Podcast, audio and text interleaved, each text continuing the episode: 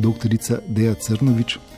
Pogovarjala se bova o vaši znanstveni monografiji z naslovom Politika kot medijski performance. In ta naslov je vse na prvi pogled nekoliko presenetljiv. Politika ne bi bila nekaj resnega, odgovornega, vi pa to politiko vežete na performance. Je to ustrezna ocena, pretirana, je na mestu? Ja, jaz se bojim, da je kar na mestu. Uh, jaz sicer sem se namerno ukvarjala s tem nekim uh, delom politike, ki naslavlja in medije in občinstvo, in se nisem ukvarjala s tem, kaj se dogaja v ozadju. Ampak se mi zdi, da glede na to, da je ta nek medijski del politike najbolj dostopen uh, širokemu krogu ljudi, da je primerno, da se ga tudi analizira. Jaz mislim, da se velik del politike, vsaj kar se tiče nabiranja glasov, da se dogaja na tem nivoju, vse, kar se dogaja, neki te bi rekel, ne vem, pravi politiki ali kako koli bi to označili, uh, je pa pogosto ali nam nedostopno ali posredovano z zamikom preko nekih naključnih prisluhov, preko nekih zakasnelih informacij in pogosto se tudi izkaže, da gre za neke uveljavljanje nekih interesov, ki načeloma niso izrečeni v teh medijskih, uh, medijski ravni politike. Se pravi, da gre za neke zasebne interese, interese kapitala, ki jih uh, načeloma politiki in političarke v teh svojih medijskih nastopih skrivajo, prikrivajo oziroma uh, skušajo nekako um, nam ne, ne se izjasniti no, glede tega. Kot novinar bi mogoče moral biti vesel, ker so mediji tako pomembni za politiko, ampak kot državljan nisem. Ja, res je, to je nek tak um, nek, nek preplet različnih uh, področji, ki, se, ki načeloma bi mogle, uh, se pravi, preplet političnega polja, medijskega polja um, bi načeloma mogel politiko delati dostopnejšo. Problem je, ker se začnejo ta, ta polja, področja eno drugemu prilagajati. In politika je začela se prilagajati medijem v smislu, da, um, da je vedno bolj personalizirana, se pravi, da se ne pogovarjamo več o samih politikah, ampak o tem, kdo bo vodil stranko.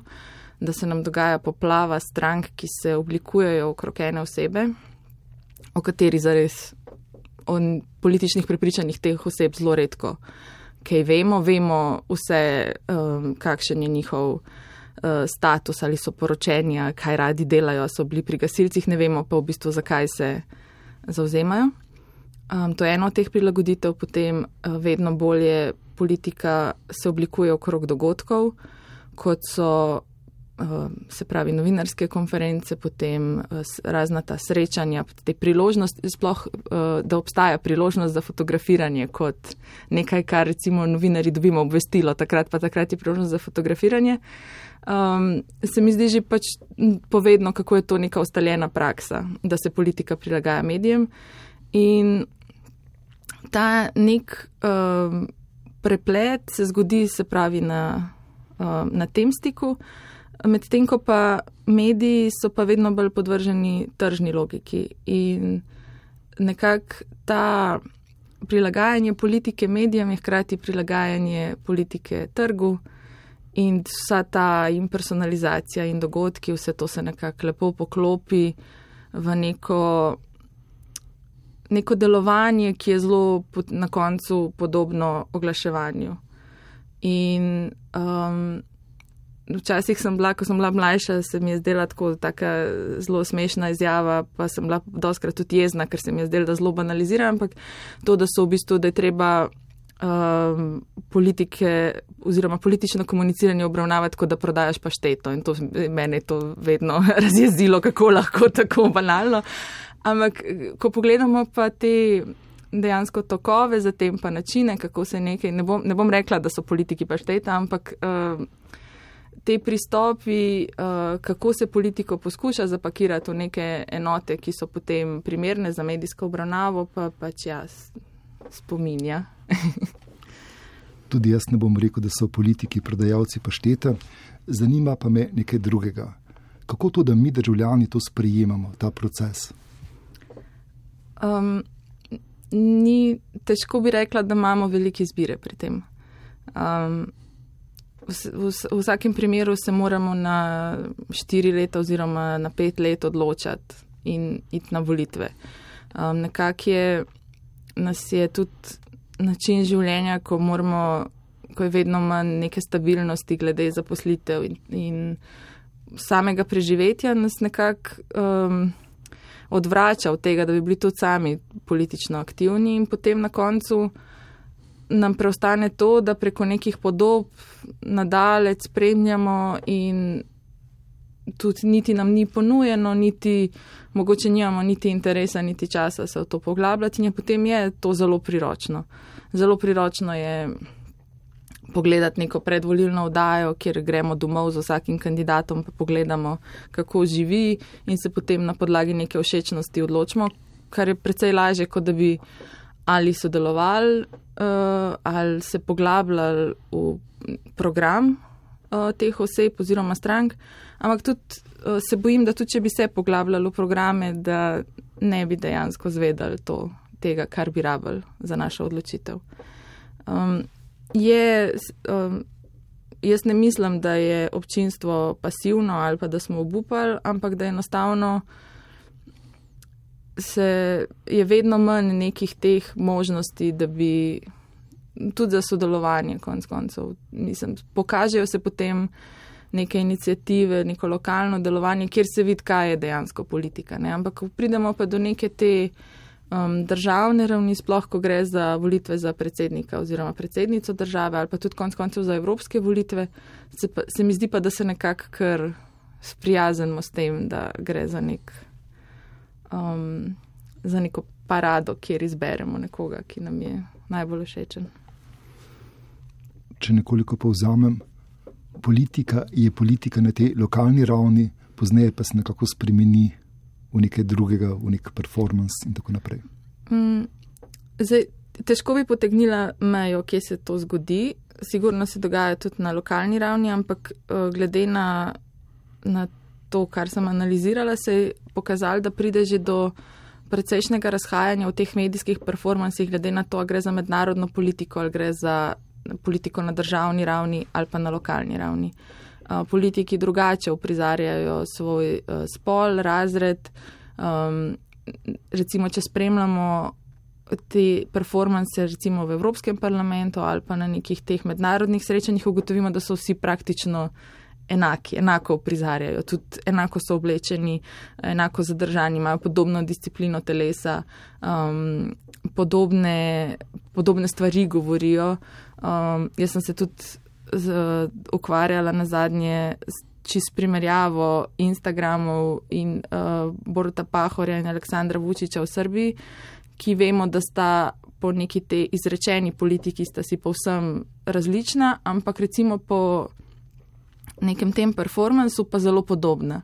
Se pravi, ko se je treba na, na tem, uh, kot se reče, mednarodnem parketu, sta identična uh, ko je treba delovati na neki lokalni ravni, pač že začnete oprizarjati neko bolj domačijsko moškost, neko bolj um, sproščenost, uh, tudi uh, se recimo vučice zelo rad fotografira s hrano, kako je, uh, pahor po drugi strani pač kako telovadi. Ne? Se pravi, neke te.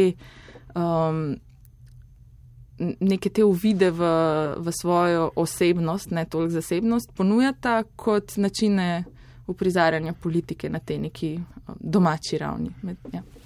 K uprizarjanju spola se bova zagotovo še vrnila, ampak zdaj bi se nekoliko vrnil nazaj. Prej ste urisali ta razpon, ki ga imajo na voljo potencijalni voljivci. Ne? Na eni strani je ta želja, da pogledajo v politiko lonec, naprimer, ali v posteljo in tako naprej.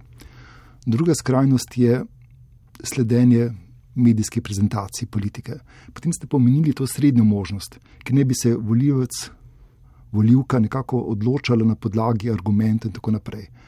In do te možnosti ste nekako izrazili skepso. Zakaj? Mogoče tudi zato, ker se mi zdi, da se je tako nekako poenostavilo, kako sploh gledamo um, na to, kaj bi politika mogla biti. Mi imamo, mi imamo poplavo strank, ki so prepričane, da je treba državo voditi kot podjetje, da je glavna lastnost uh, dobrega premijeja to, da je dober menedžer. Govorimo dejansko, smo prevzeli nek ta tržni diskurs in uh, potem se v bistvu že to, kako se recimo govori o, o, o levici o, o, ali pa tudi o desnici v nekih ekstremih in to pozivanje, da no, ko prihajajo novi pol, uh, politični obrazi, ki govorijo zase, da niso ne levi, ne desni, ne te neke stvari.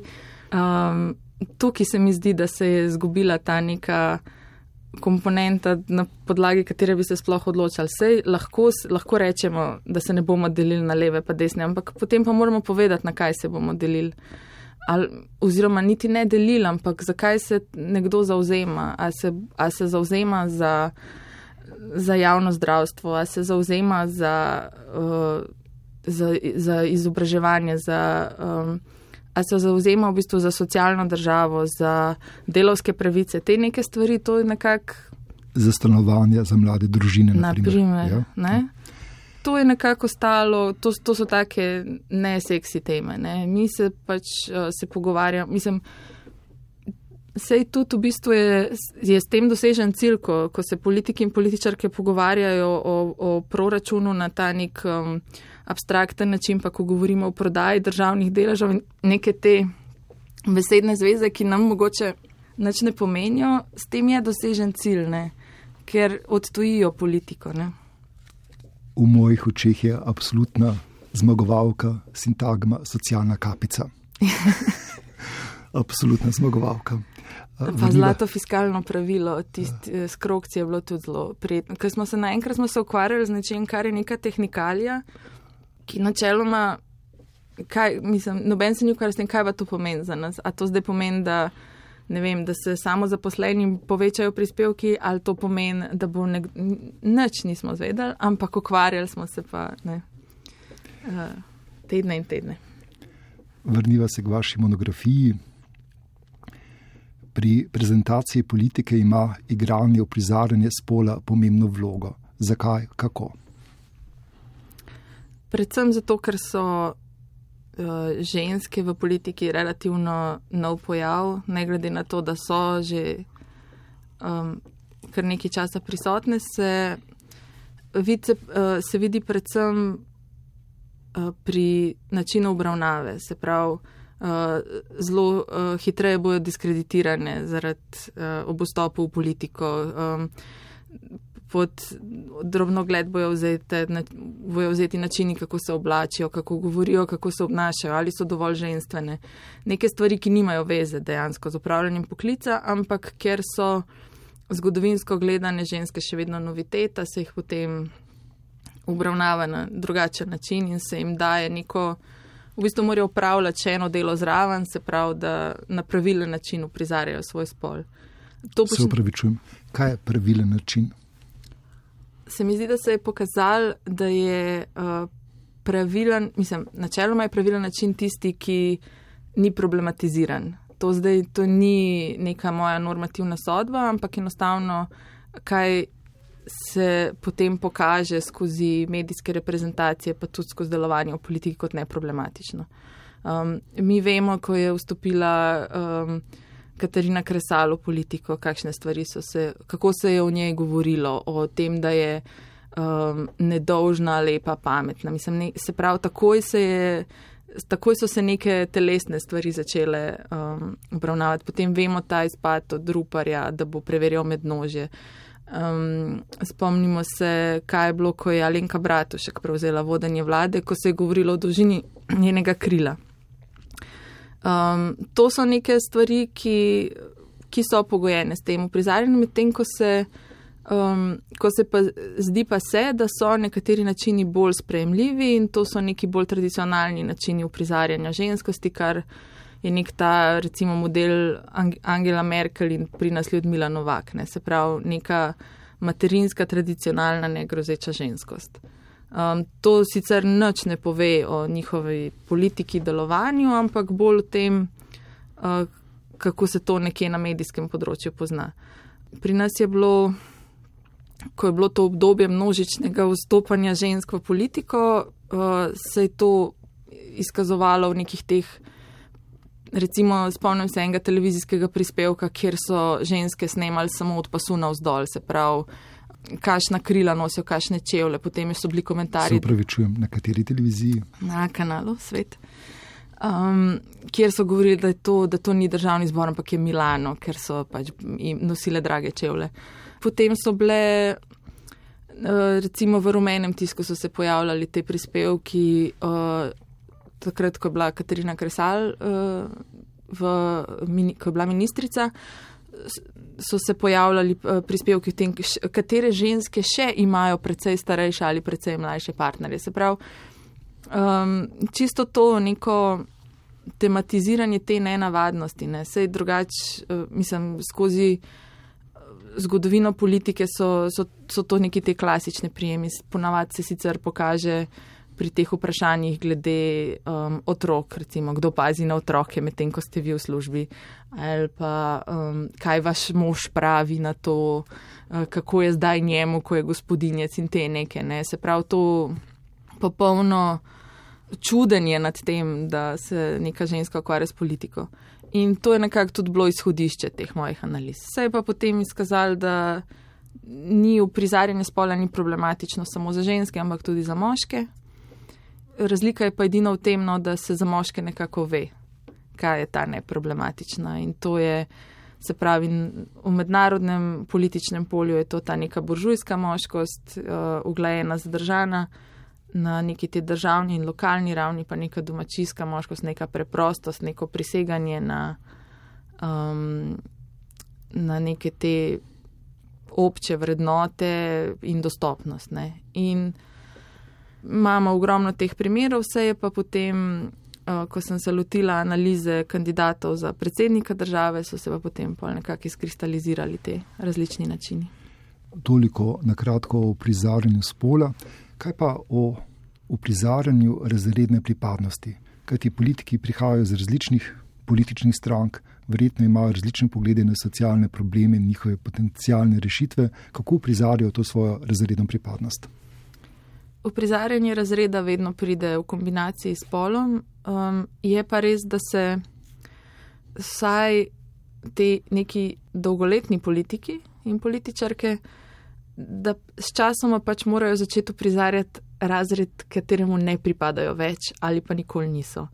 Vemo, da ne more biti um, nekdo, ki deluje leta in leta v politiki in ima redno plačo, poslansko ali kakršno koli drugo da ne more biti predstavnik delovskega razreda, in tudi jasno je, da izgubijo stik um, s tem, kaj je realnost. Spomnimo se samo Pahorjeve izjave, da težko preživi s 3000 evri na mesec. To je neka realnost, ki jo pa potem skušajo na različne načine prikriti.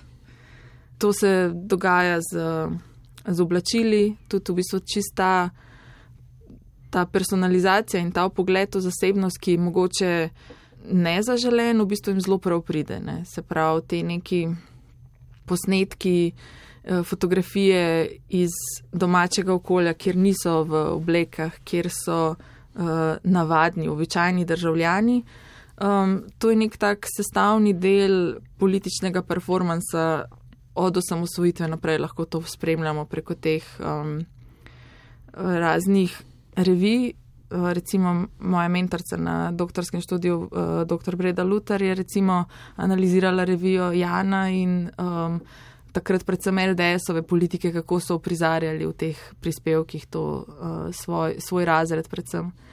Um, nekaj časa je bilo, se mi zdi, da prav po osamosvojitvi še nekako bolj, ne vem, ali modno ali sprejemljivo, da so prizarjali nek ta srednji razred ali pa celo neko elito ker je bil ta individualizem in ta ambicioznost po osamosvojitvi bila nekako zaželena in dobro sprejeta. Uh, Medtem ko se pa to zadnja leta um, se spreminja, ni več zaželeno, Uh, tudi verjetno je povezano s tem splošnim razočaranjem nad politiko v državi. In se nekako tudi politiki sami želijo distancirati od tega.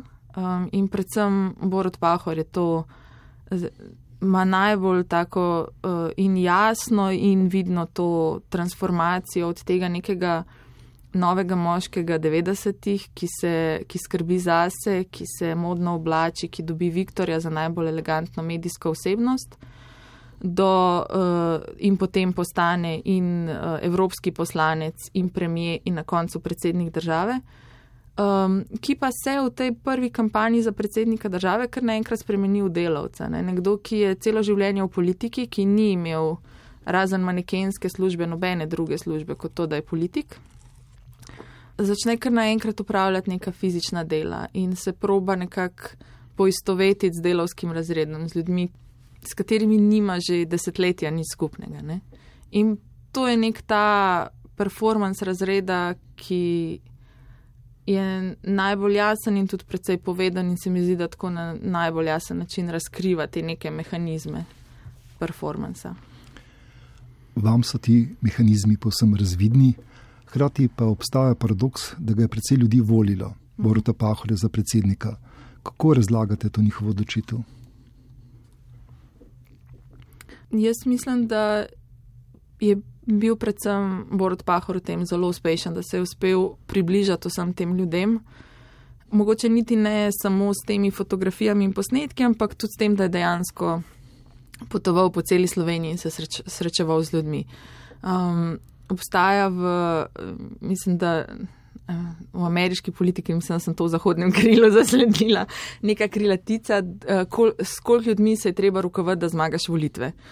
Zdaj v ZDA je to ogromna številka, pri nas pa je seveda precej manjša. In jaz verjamem, da, um, da je imel Borod Pahor tudi v glavi, s koliko ljudmi se mora rukovati, da dobi volitve. Uh, ampak gre za ta nek um, pristop, se pravi, približevanja in jaz verjamem, da je, da je bilo to ljudem všeč. Um, tudi ne mislim, da so zaradi tega ljudje naredili neko ne vem, neumnost, ker konec koncev je uh, problem tega uh, mesta predsednika države tudi v tem, da je, da je to funkcija, ki nima veliko politične moči. Ima veliko, ne bi imela neko moralno uh, moč, ampak je že od samega začetka, od same osamosvojitve naprej, ko se je pisalo ustavo in tako se je vedlo, da bo prvi predsednik Milan Kučan in je bila pač temu tudi prirejena funkcija. Se pravi, oduzeto je bilo marsikatera pristojnost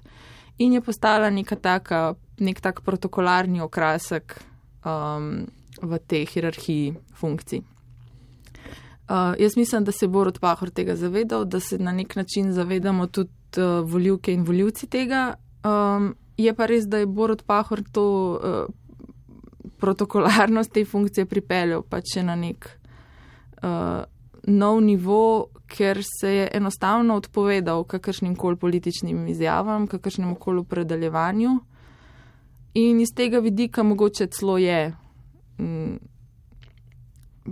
povsem po jasno, da, da z neko to všečnostjo lahko zmaga. Ker je mogoče na nek način dejansko vseeno, ampak vemo, da pa ni to bistvo predsedniške funkcije, da ni, da ni samo podoba, da, da je tudi, mislim, je seveda naredil tudi neke poteze, ki so bile, eh, ki so omogočile določenim ljudem v politiki, da so še vedno na oblasti in tudi ta njegova neodločnost in neokrepanje in vse.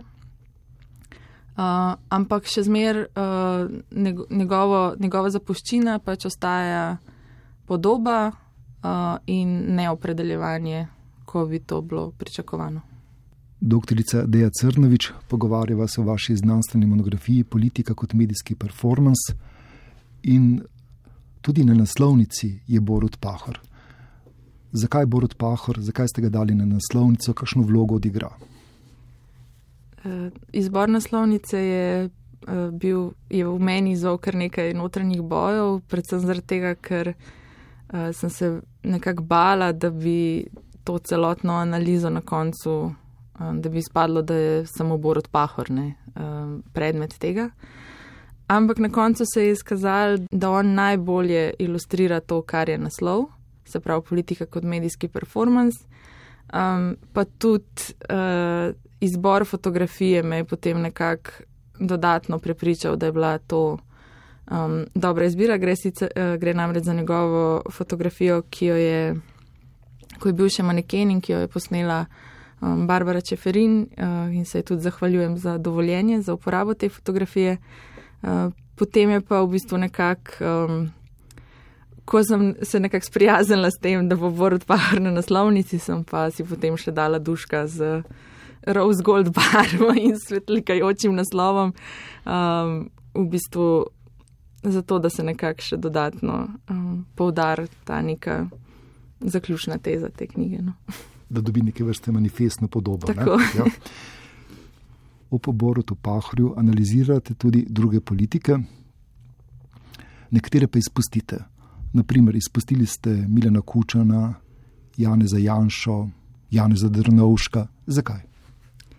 Deloma je to posledica časa, v katerem sem to analizirala. Um, šlo je za obdobje kandidature Borota Pahorja za predsednika države prvič, prvič ko je kandidiral.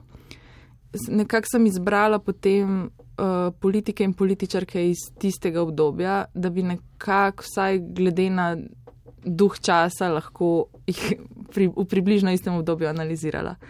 Um, to je bilo obdobje, um, se pravi, uh, njegov protikandidat je bil Danilo Tirk. To je bilo tudi obdobje, ko je bil še Lojze Petrle, tudi kandidat. Um, in ni bilo, pa, um, ni bilo pa veliko kandidatk za predsednice. So bile, ampak niso bile iz sveta politike.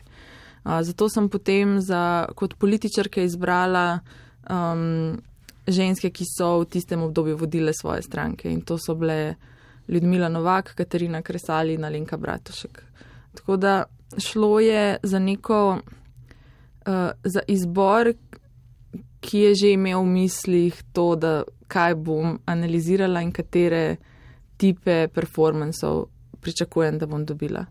Uh, sem se recimo z, z nekaterimi drugimi politiki in političarkami ukvarjala v drugih znanstvenih člankih, predvsem z um, glede političnih moškosti, uh, skupaj z Milico Antič Gaber in Irena Slišnik.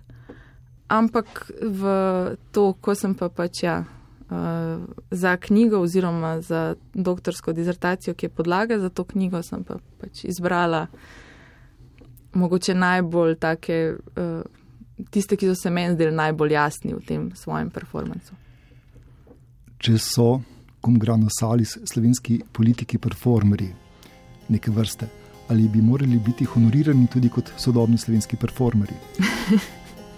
ja, mogoče bi potem premislili ja, o svoji karieri.